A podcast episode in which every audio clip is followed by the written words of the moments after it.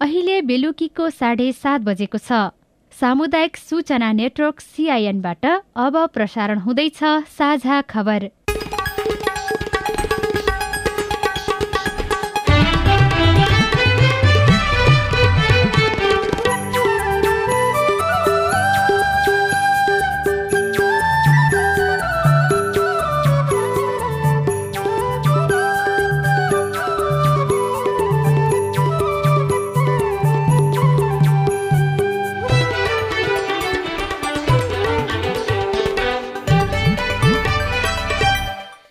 सिआइएनको साझा खबरबाट सोभिता रिसालको नमस्कार। साझा खबर देशभरिका सामुदायिक radio CIN Khabar dot com र मोबाइल एप सिआइएनमा पनि सुन्न सकिन्छ।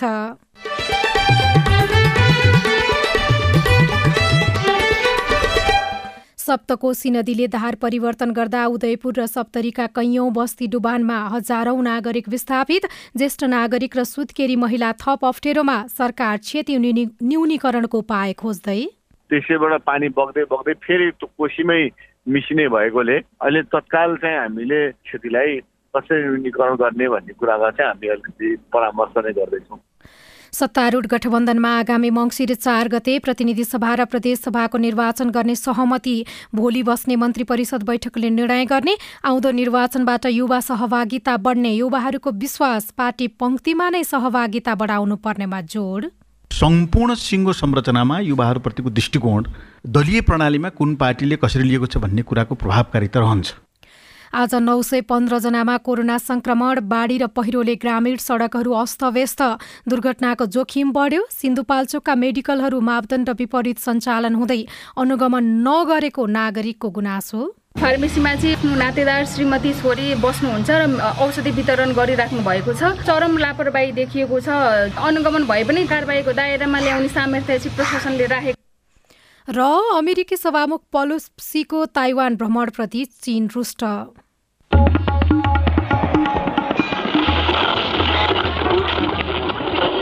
सयौं रेडियो। हजारौं रेडियो कर्मी र करोडौं नेपालीको माझमा यो हो सामुदायिक सूचना नेटवर्क सिआइएन हरेक वर्ष कामको खोजी गर्दै वार्षिक झण्डै छ लाख युवा विदेशी बाध्य छन्। वैदेशिक रोजगारीमा गएका युवाहरूले पठाएको रेमिट्यान्सले नेपालको अर्थतन्त्रको एक तिहाई हिस्सा ओगटेको छ तर युवाको हक हितका लागि काम गर्न सरकारले तीन प्रतिशत पनि बजेट छुट्याउने गरेको छैन। रोजगारमूलक र शिक्षामा प्राथमिकता दिने तथा उद्यममा लाग्न चाहने आम युवालाई सहयोग गर्ने नीति नअपनाएर युवाहरू नीति अपनाएर युवाहरूलाई स्वदेशमा नै रोक्नुपर्छ। अब खबर अविनाश आचार्यबाट। केही दिन यता अविरल परेको वर्षाका कारण ठाउँ ठाउँमा बाढी पहिरो र डुबान भएको छ। वर्षासँगैको बाढीले सप्तकोशी नदीको बहाव उच्च बनेर कटान हुने तथा नदीको धार परिवर्तन हुँदा हजारौं नागरिक विस्थापित भएका छन्। अहिले पनि पानीको बहाव रोकिएको छैन जसका कारण नागरिक त्रसित बनेका छन्। उदयपुरको बेलका नगरपालिका एक स्थित डुम्रीबोटे क्षेत्रमा निरन्तर नदीले कटान गरिरहेको छ। बेलका र बराहा क्षेत्रमा गरी बाढीले करिब बिस हजार स्थानीय जोखिममा परिसकेका छन्। बाढीले उदयपुरको बेलका नगरपालिका आठ डुम्री बोटेमा सप्तकोशी नदीको बाँध भत्किएको छ।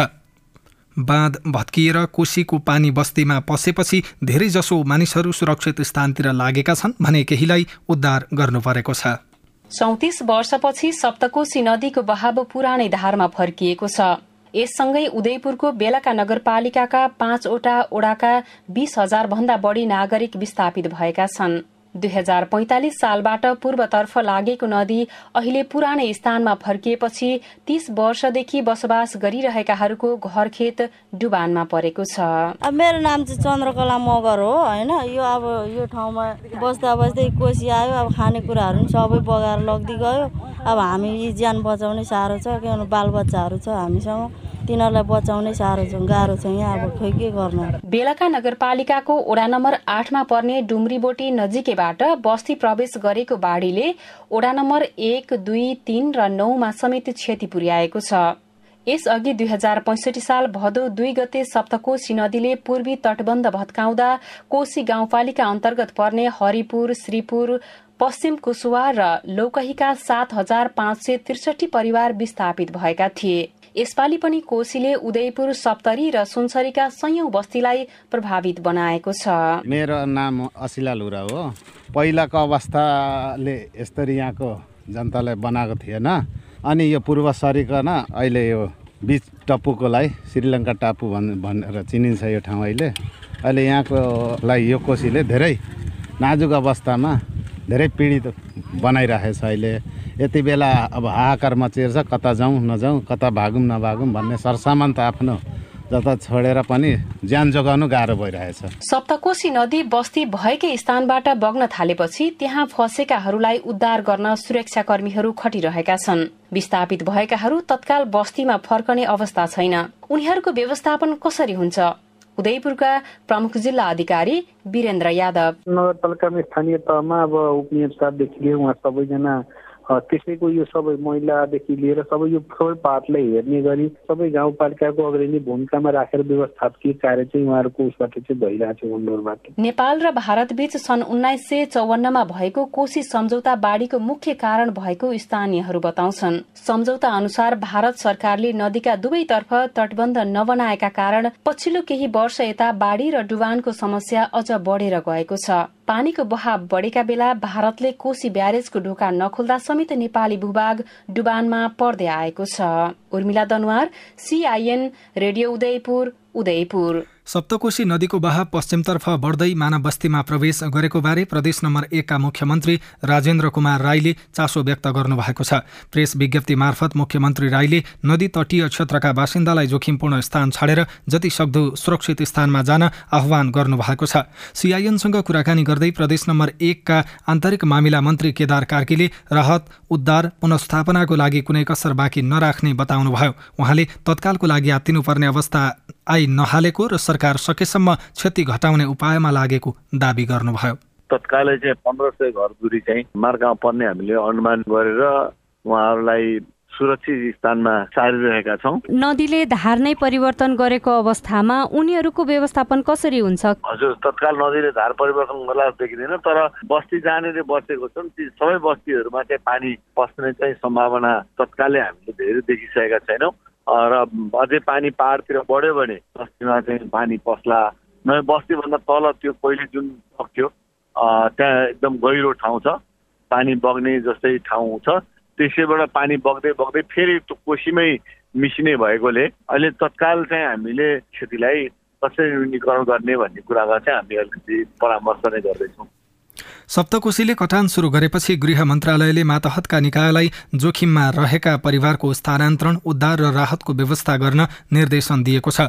गृह मन्त्री बालकृष्ण खाँडले मन्त्रालय मातहतका सबै निकायलाई सतर्क रहन आग्रह गर्दै बाढी प्रभावितको उद्धार र राहतमा कुनै कमी हुन नदिन निर्देशन दिनुभएको हो। मन्त्री खाँडले बेलका नगरपालिकामा सप्तकोशीको कटान र जोखिमबारे परराष्ट्र मन्त्री डाक्टर नारायण खड्गासँग समेत छलफल गर्नुभएको छ। बाढीबाट विस्थापित हुने नागरिकको संख्या धेरै भएकाले उनीहरूलाई व्यवस्थित तवरले कहाँ राख्ने भन्ने चिन्ता भएको छ।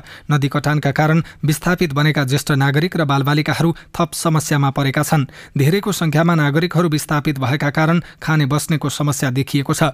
यस्तो अवस्थामा अन्य स्वास्थ्य समस्या देखिन सक्ने भएकाले सचेत रहन चिकित्सकहरूले सुझाव दिएका छन्।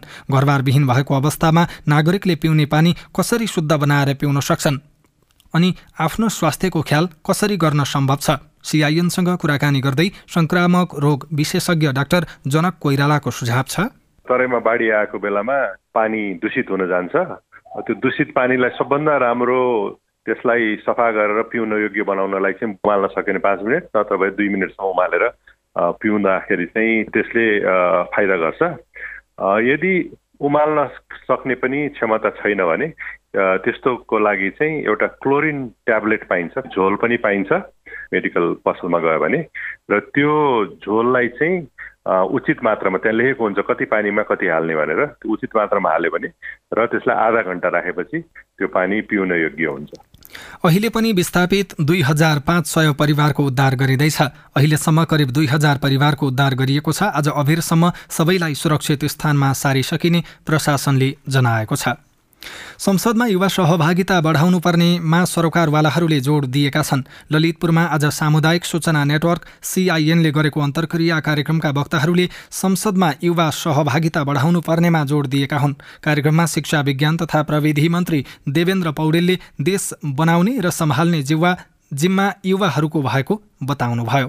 तर युवाहरू भविष्यका होइनन्। अहिलेका वर्तमानका अहिले नै परिचालन गरेर सञ्चालन गर्ने एउटा साझेदार भएको हुँदाखेरि अहिले नै उनीहरूलाई देश निर्माणको प्रक्रियामा अगाडि बढ्न संसदमा घनीभूत रूपमा आवाज बुलन्द हुनु पर्थ्यो। त्यसको तुलनामा कम हुने गरेको छ। कतिपय पार्टीहरूले निर्णय पनि गरेका छन् र निर्णय गर्दाखेरि युवाहरूले ल्याउने प्रक्रिया पनि अगाडि बढेको छ। खालि पार्लियामेन्टमा कति प्रतिशत छ मात्रै भन्ने कुरा होइन। सम्पूर्ण सिङ्गो संरचनामा युवाहरूप्रतिको दृष्टिकोण दलीय प्रणालीमा कुन पार्टीले कसरी लिएको छ भन्ने कुराको प्रभावकारिता रहन्छ कार्यक्रममा एमालेका सांसद यज्ञराज सुनवारले युवा मन्त्रालय अलग्गै बनाउनुपर्छ भनेर आफूले बारम्बार पहल गरेको तर एउटा विभागलाई विनियोजन हुने जति मात्रै रकम मन्त्रालयलाई दिइएको भन्दै गुनासो व्यक्त गर्नुभयो।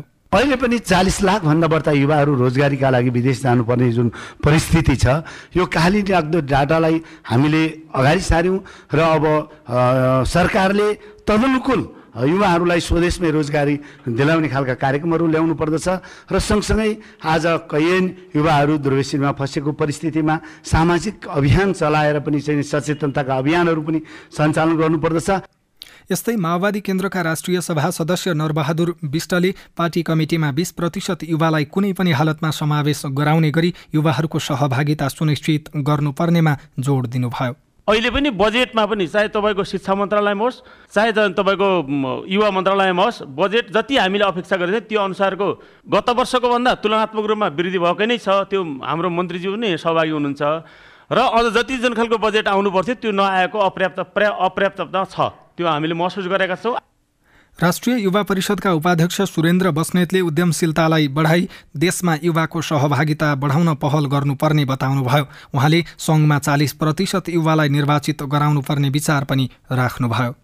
सात सय त्रिपन्न इन्टु दुई मेयर र उपमेयर अर्थात् अध्यक्ष र उपाध्यक्ष। यो दुईजनाको सङ्ख्या जोड्दा पन्ध्र सय छजना हुने रहेछ। पन्ध्र सय छजना मध्ये चालिस वर्षभन्दा मुनिका चार सय बहत्तरजनाले निर्वाचित हुनुभएछ। तिस वर्षभन्दा मुनिका तिसजना निर्वाचित हुनुभएछ। पच्चिस वर्षभन्दा मुनिका एघारजना निर्वाचित हुनुभएछ। र चौबिस वर्षभन्दा मुनिका युवाहरू पनि मेयर र उपमेयर अथवा अध्यक्ष र उपाध्यक्षमा जम्मा छजना निर्वाचित हुनुभएछ।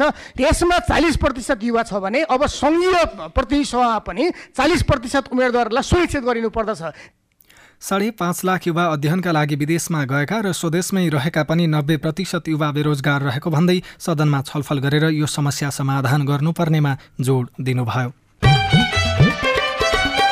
साझा खबरमा अब विदेशको खबर अमेरिकी संसदको तल्लो सदन हाउस अफ रिप्रेजेन्टेटिभ्सका सभामुख न्यान्सी पेलोसी ताइवानको भ्रमण सकेर आज स्वदेश फर्कनु भएको छ।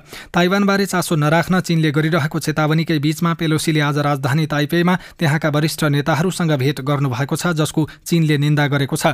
आज चीनका विदेश मन्त्री वाङ यीले एक विज्ञप्ति जारी गर्दै चीनलाई अपमान गर्नेहरूलाई सजाय दिइने चेतावनी दिनुभएको छ। अमेरिकाले लोकतन्त्रको आडमा चीनको सार्वभौम सत्ताको उल्लङ्घन गरिरहेको पनि उहाँको आरोप छ। र एउटा खेल खबरमा सन् दुई हजार तिसको फिफा विश्वकप आयोजना गर्न चार राष्ट्रले संयुक्त प्रस्ताव गरेका छन्। विश्वकप आयोजनाका लागि अर्जेन्टिना चिली उरुग्वे र पराग्वेले संयुक्त रूपमा प्रस्ताव अघि सारेका हुन्।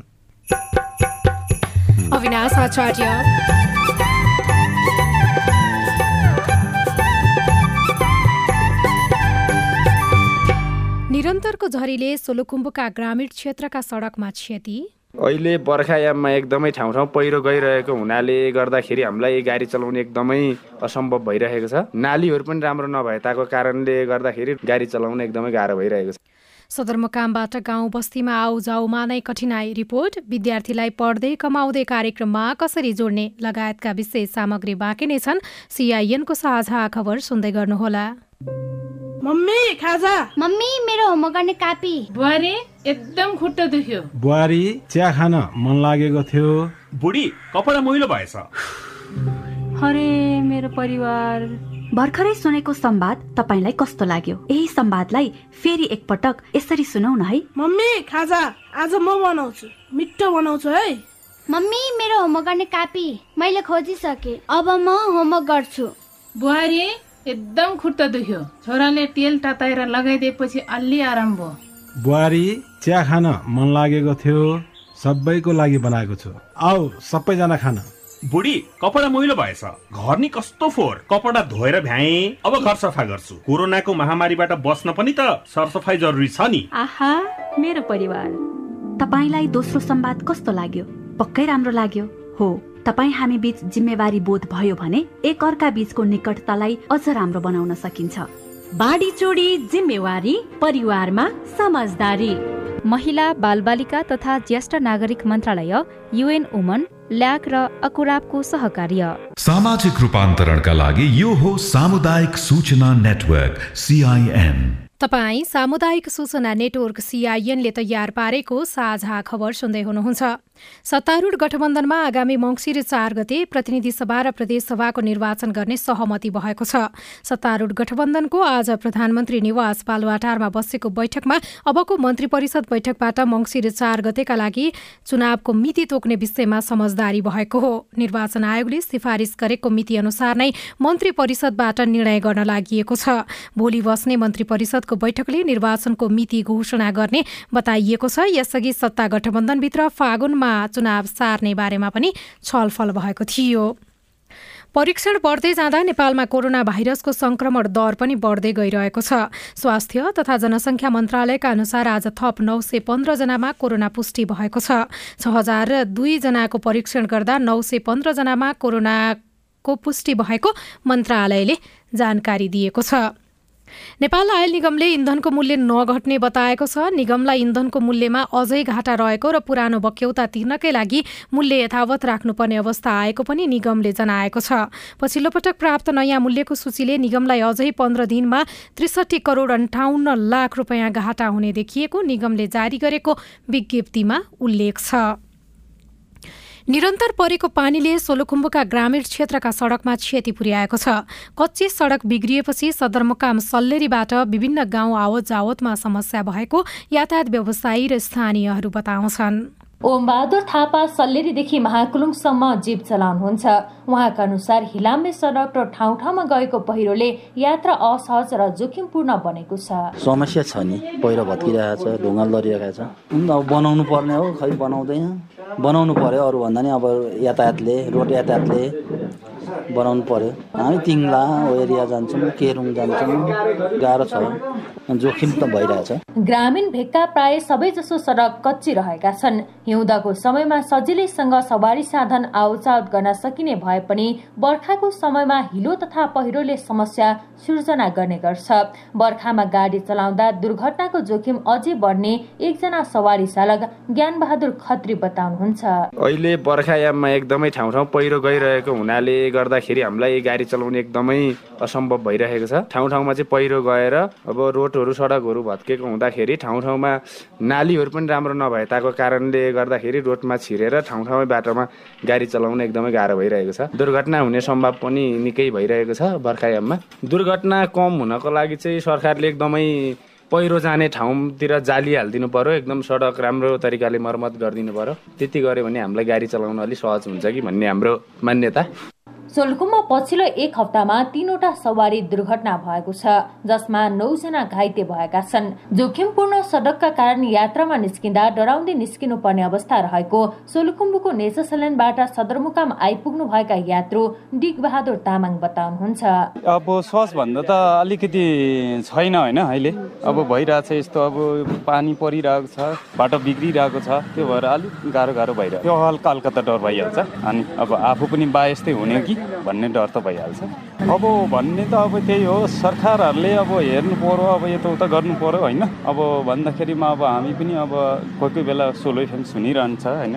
गर्छु चाहिँ भन्छ अब गरेको चाहिँ छैन अझैसम्म। त्यो चाहिँ हामीले पनि सोचिरहेको छ। बर्खाको बेला कतिपय ठाउँमा पक्की सडक नै भाँसिएको छ भने मापदण्ड पुरा नगरी बनाइएका ग्रामीण सडक सवारी साधन चलाउनै नमिल्ने गरी बिग्रिएका छन्। यस्ता सडक स्थानीय सरकारको पहलमा तत्काल मर्मत गर्नुपर्ने स्थानीयहरूको माग छ। Anju Karki CIN Sol FM Solukhumbu. साझा खबरमा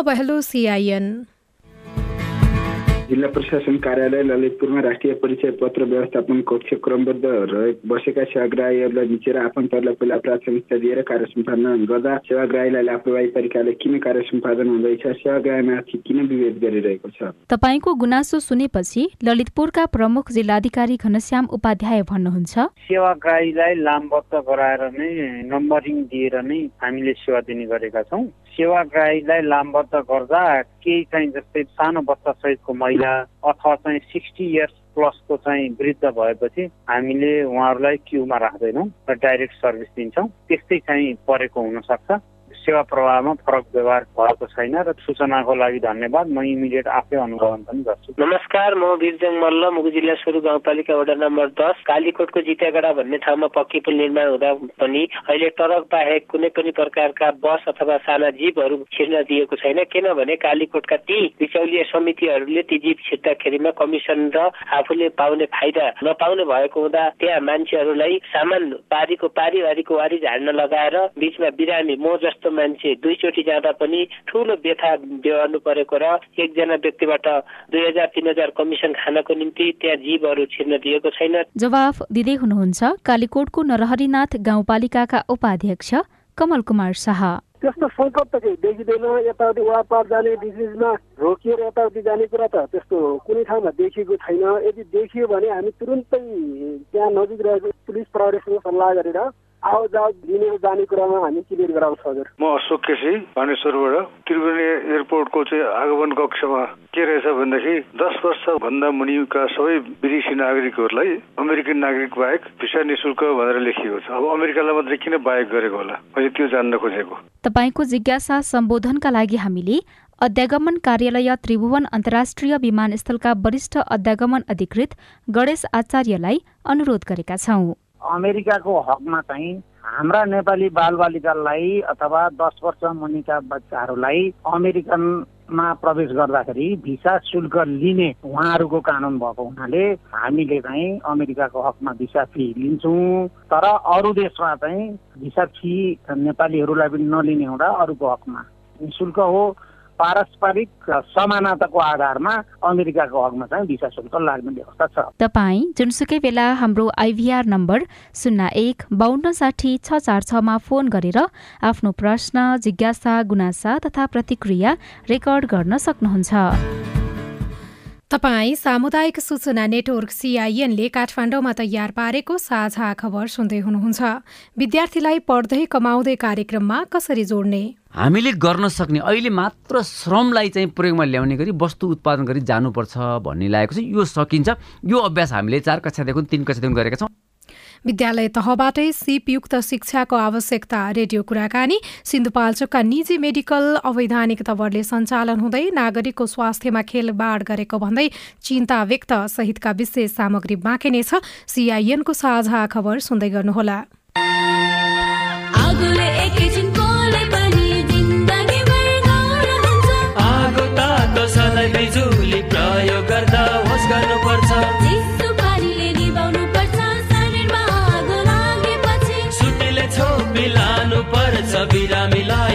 स्वास्थ्य चौकी। नानी हो हुन्न भान्सामा खेल्नु तातो र बल्ने सामान हुन्छ। होस गरी चलाऊ स्टोभ र ग्यास भुइँमा पकाए दुर्घटना बढ्छ। अग्निजन्य दुर्घटना भएमा शून्य एक पचपन्न पचपन्न छ आठ नौमा सम्पर्क गर्नुहोस्। बिबिएस नेपाल ललितपुर। सामाजिक रूपान्तरणका लागि यो हो सामुदायिक सूचना नेटवर्क सिआइएन तपाईँ सामुदायिक सूचना नेटवर्क सिआइएनले काठमाडौँमा तयार पारेको साझा खबर सुन्दै हुनुहुन्छ। सिन्धुपाल्चोकका निजी मेडिकल तथा फार्मेसीहरू नियमअनुसार नचलेको पाइएको छ। दर्ता अनुमति बिना र मान्यता प्राप्त स्वास्थ्य कर्मी नराखिकन नै औषधि बेचबिखन गरी सञ्चालन हुँदै आएको पाइएको हो। स्वास्थ्य जस्तो संवेदनशील विषयमा नागरिकमाथि खेलवाड गरिरहेको सरकारवालाले गुनासो गरेका छन्।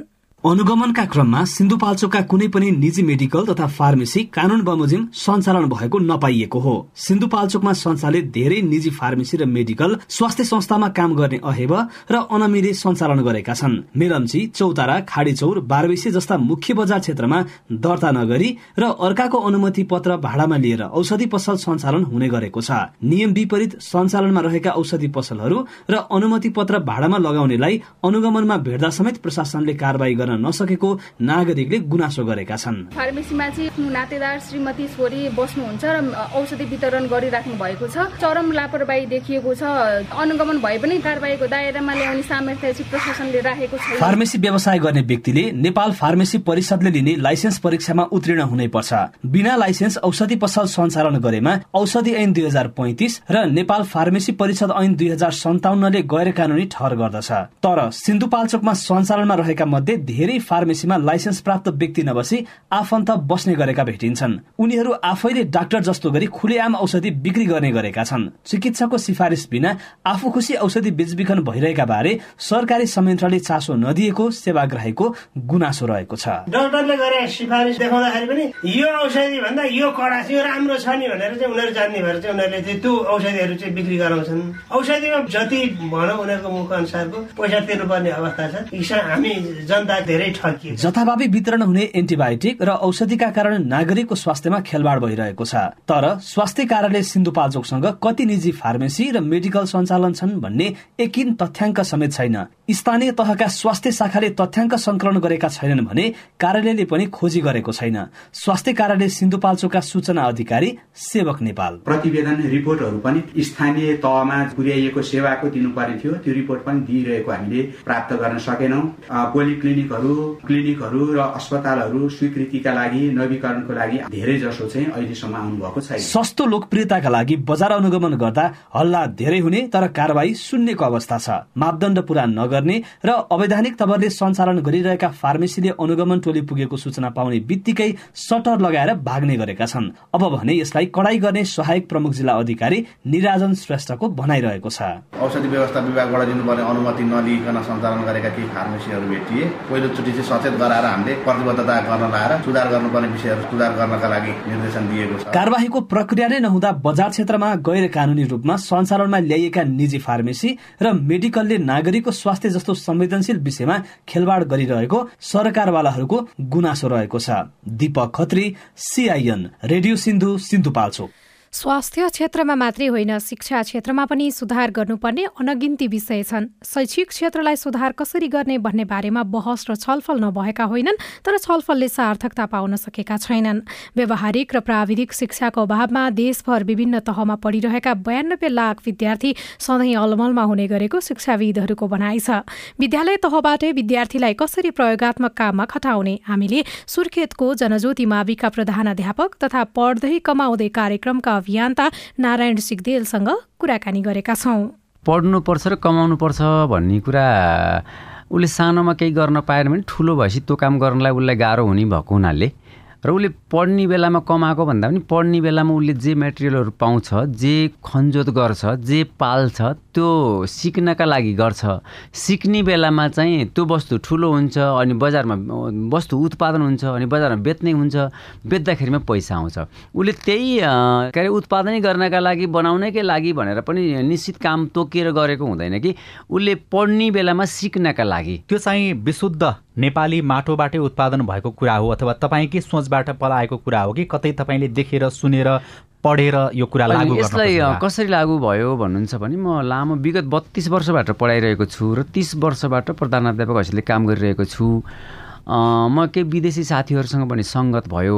धेरै युवाहरू विदेशमा पढ्न गएको देखियो। विदेश गएर अमेरिका बेलायत अस्ट्रेलिया जापान गएर पढ्दाखेरि पनि घरबाट पैसा लानु नपर्ने। उनीहरूले उताबाट उल्टै पैसा फिस तिरेर पन्ध्र बिस लाख फिस तिरेर पनि फेरि घर पैसा पठाउने। त्यहाँ गर्छन् के त भन्दाखेरिमा कलेजले नै काम खोजिदिन्छ। त्यो काम उनीहरूले गर्छन्। त्यो काम गरेर राम्रो पैसा आउँछ अनि फिस तिर्छन् र घर पनि पैसा पठाउँछन् भन्ने कुरा सुने मैले। अर्को कुरो हाम्रा विद्यार्थीहरूलाई हामीले उत्पादन गरेर श्रम बजारमा पठाउने बेलामा त हातमा सिप नभएपछि रहेछ उसले त काम पाउँदो रहेनछ।